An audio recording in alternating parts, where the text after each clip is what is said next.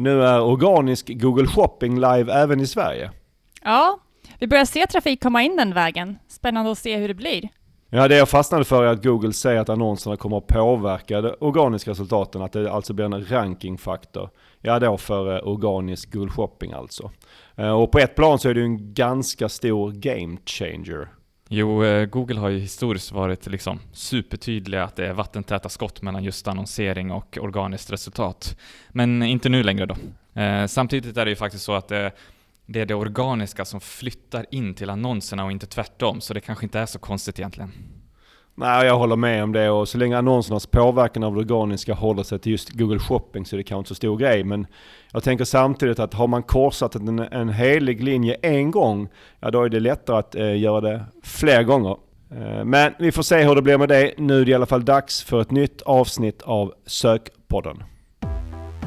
Du lyssnar på Sökpodden en podcast för dig som gillar Google, SEO och SEM. Sökpodden görs av Pineberry. Varmt välkomna till avsnitt 65 av Sökpodden. Mitt namn är Mikael Wahlgren. Idag har jag nöjet att sitta här med Maria Fernholm. Hallå, hallå. Och Jonathan Olsson. Hejsan, hejsan. Våra tre ämnen för dagen är inlärningsfasen på Facebook Ads, startsidan och SEO och så avslutar vi med appkampanjer på Google Ads. En eh, ganska bra blandning, eller vad säger ni? Ja men verkligen. Hur är läget med er idag? Eh, jo men det är väl ganska bra med mig. Jag känner en liten eh, förkylning på gång. Oj då. Och därför, eh, det kanske ni inte, förhoppningsvis hör ni inte det som lyssnar, men därför spelar vi in på distans för att vara säkert att vi inte smittar varandra. Jonathan, hur är det med dig? Nej men alltså det är kanon. Man är ju tillbaka lite på kontoret och jag känner att eh, hösten är här. Eh, väldigt kallt redan men det är vad det är. det är vad det är ja.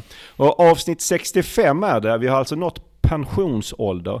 Är det dags att lägga ner sökpodden nu? Vi har ändå kämpat på i sex år. Det är inte speciellt många poddar som håller igång så länge. Nej men det tycker jag verkligen inte. Det här är väl alldeles för roligt. Ja, jag håller med att det är för roligt, i alla fall för oss. Jag hoppas ni som lyssnar också tycker att det är bra. Det är liksom en höjdpunkt för oss varje månad, så jag hoppas att vi kommer fortsätta med eh, att göra avsnitt många år till. Det är väl inget att vänta på. Vi rullar igång dagens första ämne. Idag ska vi börja att prata om inlärningsfasen på Facebook. Lite av ett svart hål om du frågar mig. Ja, det är inte riktigt så att vi vet exakt vad som pågår bakom skynket under inlärningsfasen. Nej, precis, men det är trots allt en väldigt viktig del utav annonsering på Facebook. Ja, och jag som är SEO i grunden tänker ofta på Sandbox när jag tänker på inlärningsfasen. Det är lite kanske av samma sak fast ändå inte riktigt kanske. Lika mycket av ett svart hål kanske? Ja, och det snackas ju inte lika mycket om Sandbox längre, men för tio år sedan var det mycket snack och väldigt mycket mystik kring det i, i SEO-världen. Lyssnar ni förresten på Googles relativt nya podd med John Mueller, Martin Splitt och Gary Iles? Nej, är den bra? Ja det tycker jag. Det gäller såklart att man gillar deras lite speciella humor, osthumor bland annat. Men jag gör det så jag tycker den är väldigt bra. Den heter Search of the Record om det är någon som vill kolla in den. Och eh, anledningen att jag tog upp den var för att för några avsnitt sedan så pratade de just om Sandbox.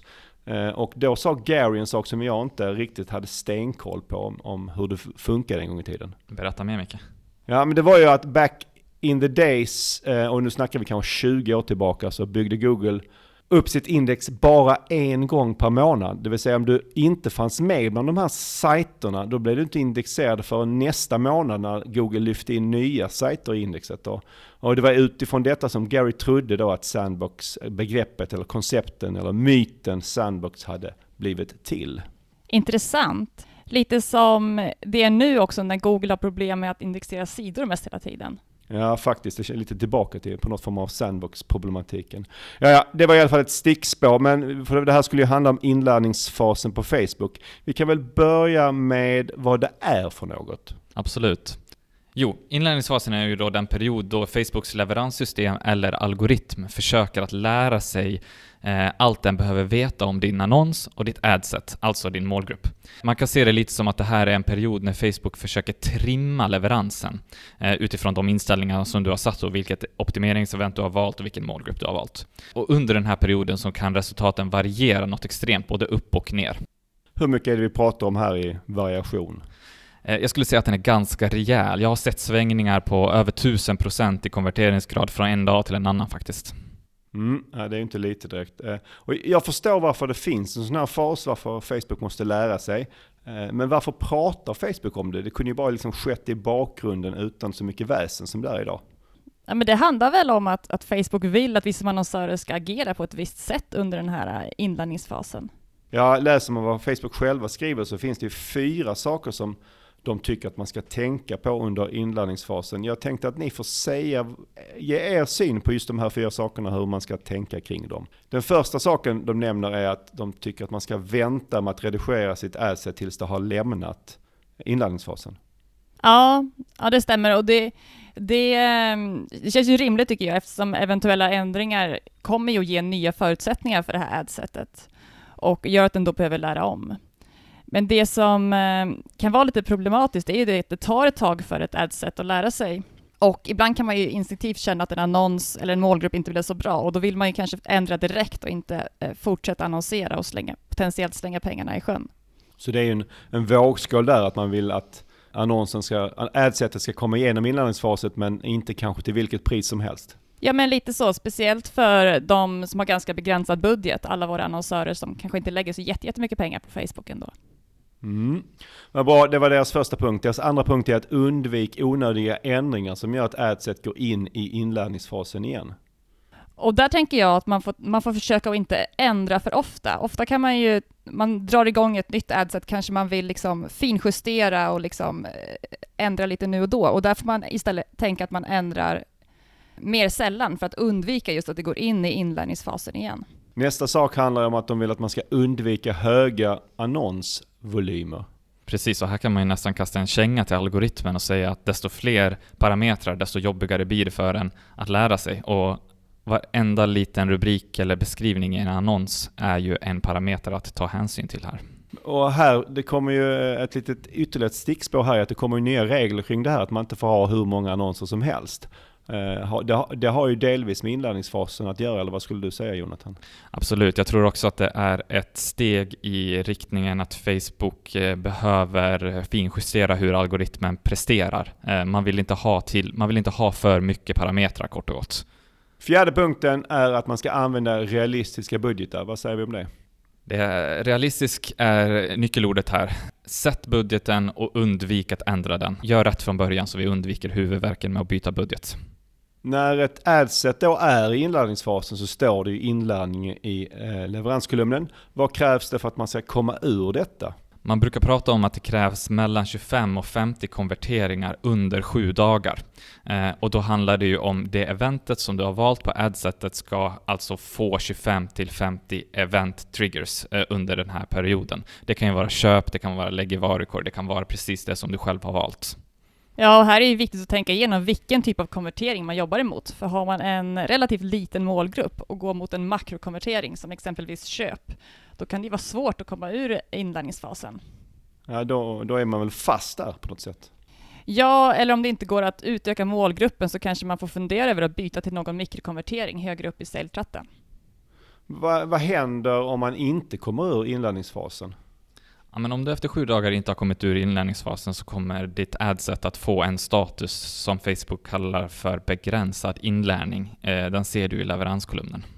Eh, vad gör man då? Då får man försöka göra en förändring så att man kommer in i inlärningsfasen igen och att ändringen du gjort gör att du kommer ur inlärningsfasen den här gången. Okej. Vad kan det vara för vanliga saker som man kanske både behöver fixa till eller som man kan testa om man hamnar i begränsad inlärning? Ja, det finns ju många olika anledningar, men några vanliga kan ju vara som, lite som jag var inne på tidigare, det här med konverteringshändelse. Är det en konvertering som händer för sällan så kanske du måste byta konvertering och optimera mot ett mål som eh, genererar fler konverteringar. Och exempelvis kan det ju vara då kanske lagt i varukorgen eller visa produktsidor om man initialt hade köp som konvertering. Och en annan anledning kan ju vara att budgeten är för låg. Om man tar ett konto där man lägger exempelvis 100 kronor per adset det är inte så mycket. Och då spenderar man alltså 700 kronor på sju dagar och måste ha då en CPA på 14 kronor för att nå 50 konverteringar. Och det hör, man ju själva, det hör ni ju själva att det är, ju orimligt och extremt svårt. Speciellt om man optimerar mot köp. Och då är det istället bättre att ha färre adsets och ha en högre budget för att få in mer data snabbare. Ett tips för att förstå datorn och kunna optimera mot sin målgrupp är att man använder ads-reporting istället för att skapa olika rapporter. Och där kan man då istället titta på hur, hur sin målgrupp eh, konverterar, exempelvis kvinnor och män eller olika åldrar. Eh, är det något som du brukar använda, Jonathan? Det händer absolut. Man vill ju inte bara låta algoritmen jobba på, utan man vill ju också se vad som faktiskt händer och vilka som faktiskt ser annonserna. Ja, nej men precis. Um, och ett annat problem som jag tänker, det är det här med att målgruppen kan vara för liten. Om en målgrupp inte är tillräckligt stor så finns det inte förutsättningar för att man ska kunna nå upp till de här 50 konverteringarna. Och här, uh, jag vet inte hur du tänker Jonathan, men det finns väl ingen egentligen siffra. Jag brukar ofta tänka att det ska vara minst 100 000 i målgruppen, men det beror ju lite på om det är en retargeting-målgrupp. Den brukar ju då prestera lite bättre. Håller helt med dig. Här har vi en relation mellan storlek, målgrupp och konverteringshändelse. Ja, men precis. Sen, eh, den sista anledningen som jag kom att tänka på också, det kan ju vara det att andra adset på, i samma annonskonto vinner aktionen och tar konverteringen. Det blir så kallad eh, intern konkurrens och egentligen det man behöver göra där, det är att täta mellan sina målgrupper och se till att man utesluter så att man inte har samma personer i flera målgrupper och överlappar varandra. Bra eh, tips där Maria, tack för det. Eh, och du, en sak du nämnde handlar ju om budgetens storlek. Och det kan ju då vara en anledning till att man inte lämnar inlärningsfasen. Och jag vet att i avsnitt 61 så pratar vi om ju CBO. Och eh, då styr man inte riktigt själv storleken på budgeten i ett adset längre. Hur, eh, hur gör man då i det här läget om man använder sig av CBO för att säkerställa att ett nytt adset har budget nog att lämna inlärningsfasen. Jo precis, det blir ju lite knepigt eftersom att adseten har faktiskt ingen budget utan den ligger på kampanjnivå. Men som sagt, tumregeln här är att slå ihop adseten om ett adset presterar väldigt dåligt. Precis som vi var inne på tidigare, om konverteringen bara sker i ett utav dina, säg två adset, och det ena adsetet tar hela budgeten, då har du valt fel inom situationstecken målgrupp, eller fel inom situationstecken event för, den, för det adsetet. Det finns helt enkelt inget riktigt tydligt svar på den här frågan, men det handlar om att matcha ditt konverteringsevent mot din målgrupp och du kommer att se ganska tydligt vilket adset det är som har bäst match. Mm. Tack för det Jonathan. Och nu ser jag här att eh, vi har lämnat inlärningsfasen för detta ämne och det är dags att gå vidare till nästa.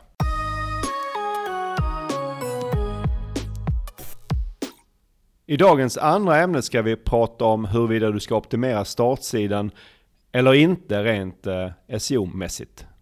Mm, ganska smalt ämne, eller? S nu hörde jag inte riktigt. Sa du svalt eller sa du smalt? Smalt. Då är det precis som det ska vara Maria, vi har alltid smala SEO-ämnen. Ja, jag håller med. Jag gillar, jag gillar smala ämnen. Eh, kanske inte svala, men smala, de gillar jag. Och även om startsidan är en liten del av de flesta SEO-projekt så får man ju väldigt mycket frågor från kunderna kring vad vi ska göra med startsidan, vad den ska ranka för och så vidare. Ja, för många är ju startsidan fortfarande flaggskeppssidan som inte sällan får mycket mer omtanke än andra sidor. Nej, precis. Och till min och till vår hjälp här idag tänkte jag använda mig av en artikel som Clayton Johnson skrev på The Com i somras. Eh, vi länkar till den i avsnittsinlägget. Rubriken till artikeln var Why you shouldn't rank your homepage. Mm, ganska tydligt vart Clayton står i den här frågan va?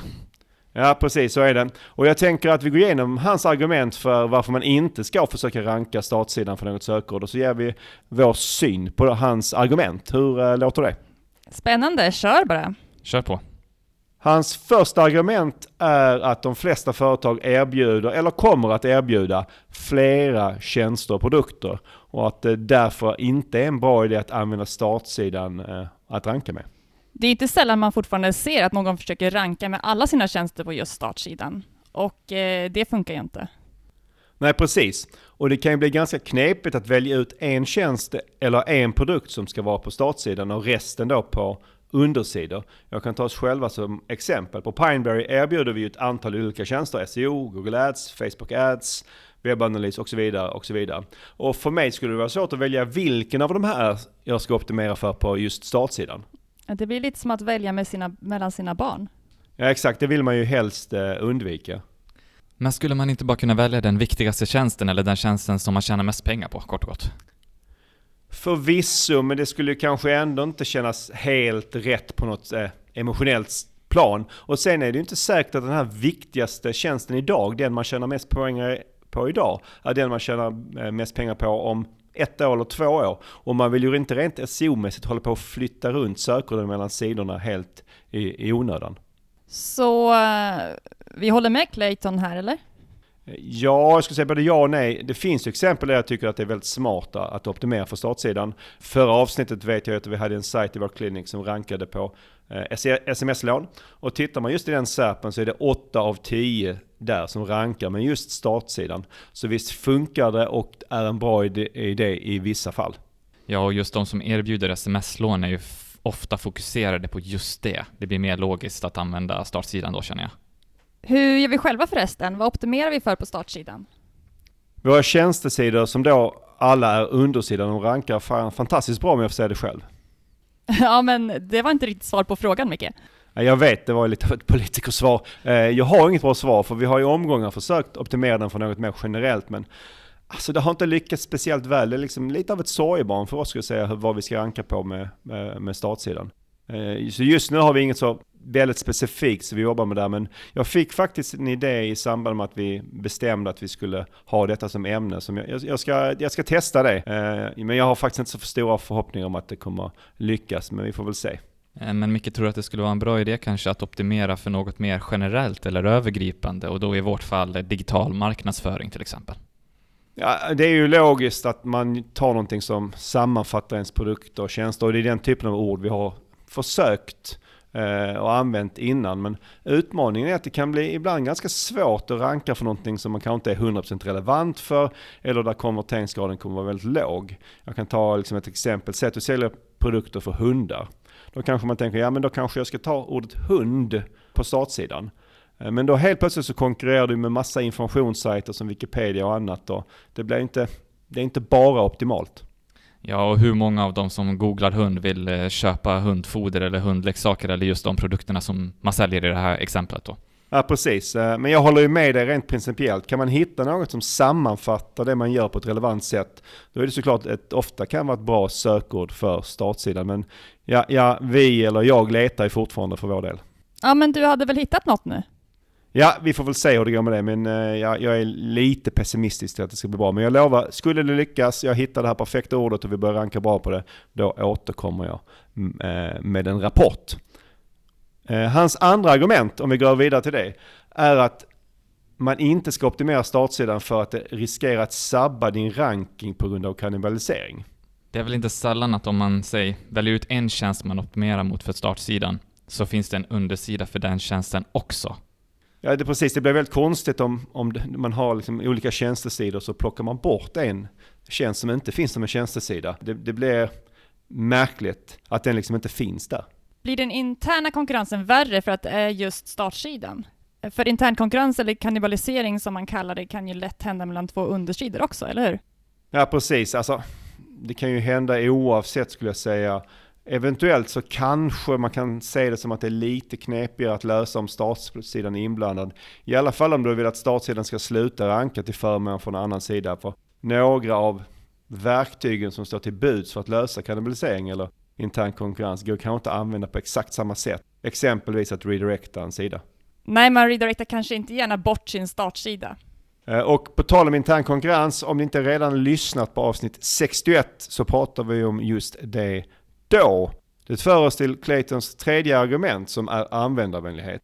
Han tycker då att man ska skicka användaren till rätt sida direkt. Lite som med annonser faktiskt, att det är ju i mångt och mycket, eller i många fall åtminstone, en dålig idé att skicka specifika annonser till, till en startsida. Precis, och oftast är det ju bara vid varumärkessökningar som startsidan är den mest relevanta sidan att komma till. Med vissa undantag såklart, som eh, sajter som då pri kanske primärt erbjuder just en sak som vi redan lite har varit inne på. Och i, i Claytons fjärde och sista argument så är han inne på att man, han tycker att man ska fokusera på konvertering på startsidan och inte bry sig så mycket om ranking, att det är konverteringen som är det viktigaste. Men står verkligen ranking och konvertering i motsats till varandra? Både ja och nej skulle jag säga. Han menar ju då att han gärna bara har en säljande rubrik och kanske ett fält eller en ruta där man signar upp för någon tjänst direkt. Inget annat innehåll. Så extremt säljande, extremt konverterande.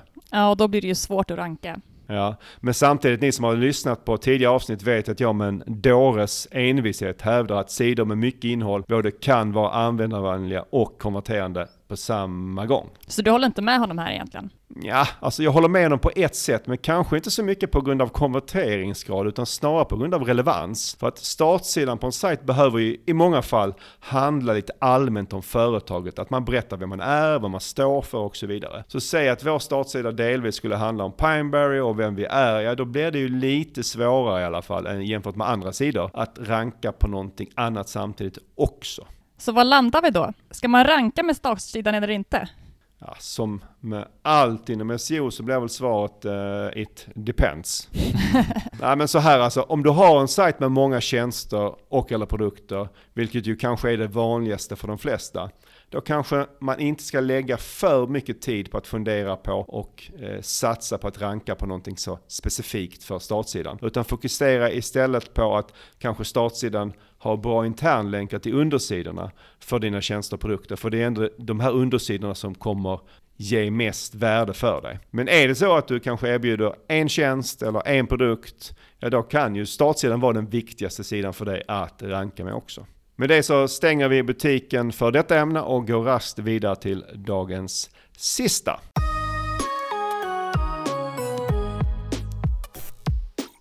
Det finns ju ett antal uh, olika kampanjtyper inom Google Ads. Det finns sök, display, video, shopping och så vidare. Sen finns det några till som man kanske inte tänker allt för mycket på. Och idag ska vi avsluta att prata om en av dessa, nämligen app-kampanjer. Jonathan, uh, det var ju du som föreslog detta ämne. Var, varför det? Utan att avslöja allt för mycket redan så kan jag väl säga att appkampanjer är spännande och eh, frustrerande på, på samma gång. Ja, jag känner igen den känslan. 2015 eh, så lanserade Google för första gången app-kampanjer under namnet Universal App Campaigns. Google har numera släppt Universal i namnet, men många kallar det fortfarande för just Universal App Campaigns eller UAC. Ja, det sitter i. Sen 2017 så tog Google bort övriga möjligheter att annonsera för appar som funnits i andra kampanjtyper som exempelvis App Install Ads i sökkampanjer. Och eh, sedan dess är renodlade appkampanjer det enda som gäller om du vill annonsera för appar hos Google. Och eh, appkampanjer är ju lite annorlunda än säg sökkampanjer som de flesta av oss då jobbar med eh, mer eller mindre varje dag. Vad är den stora skillnaden? En stor grej är ju att annonserna visas överallt där Google visar annonser, det vill säga söknätverket, YouTube, displaynätverk och Google Play och så vidare. Och just eh, Google Play blir ju extra relevant här när det handlar om att eh, marknadsföra appar. Ja, man når ut på bra ställen.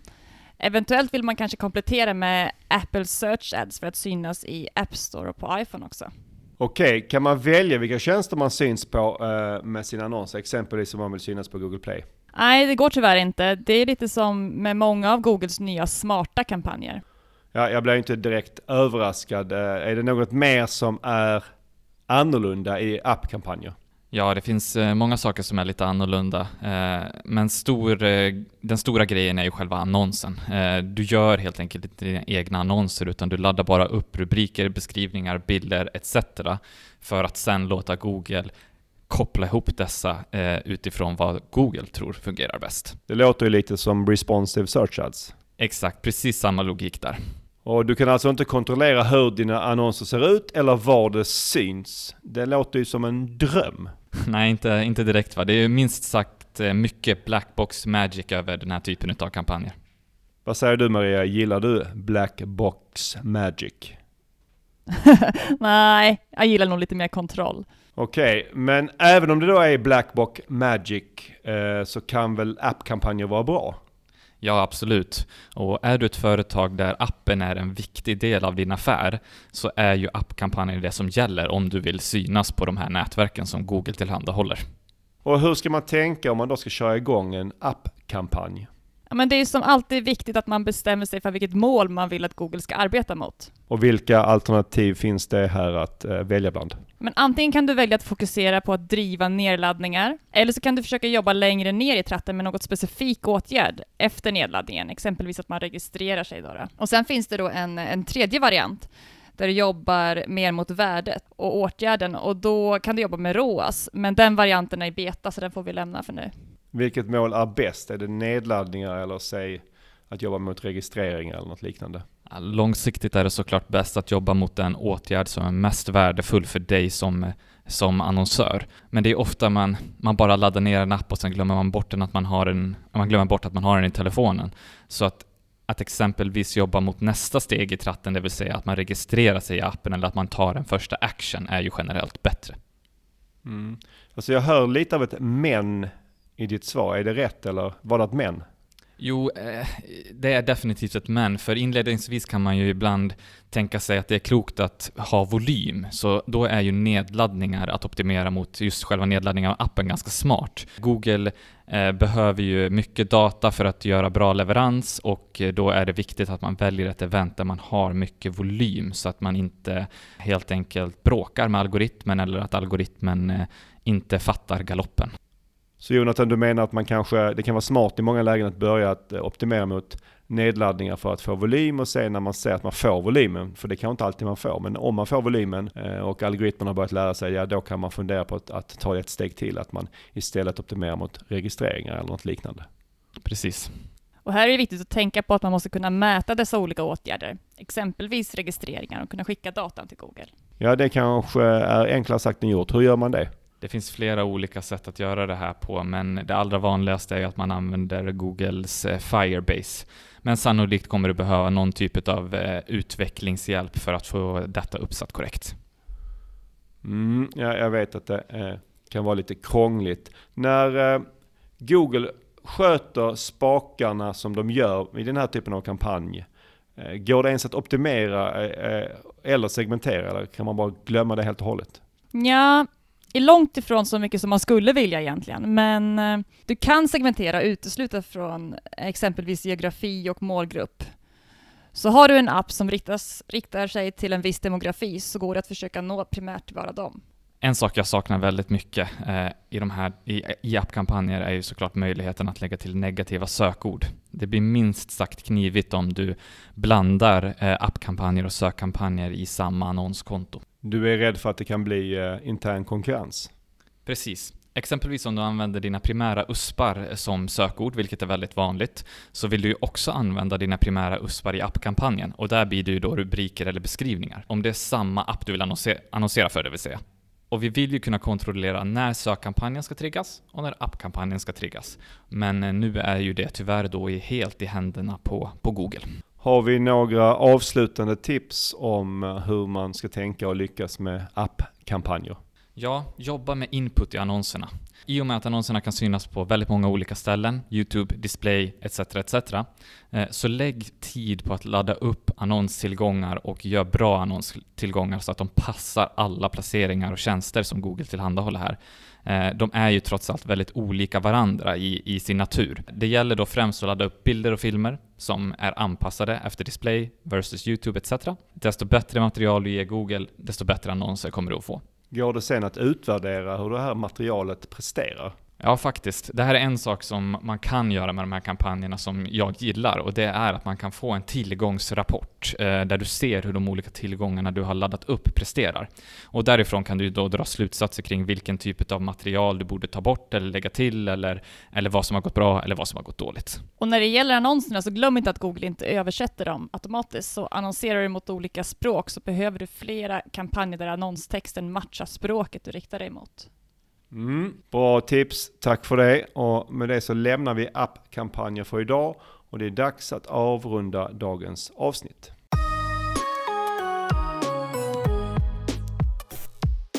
Gillade du dagens avsnitt? Då skulle vi bli väldigt glada om du gick in på Apple Podcast och gav oss ett betyg och kommentar. Ja, det blir vi jätteglada för. Du får såklart gärna också höra av dig till oss på sokpodden pineberry.com med feedback och föreslå gärna ämnen du vill att vi ska ta upp här senare i höst. Tusen tack för att du har lyssnat idag. Ta hand om dig tills vi hörs nästa gång. Tack för idag. Tack och hej!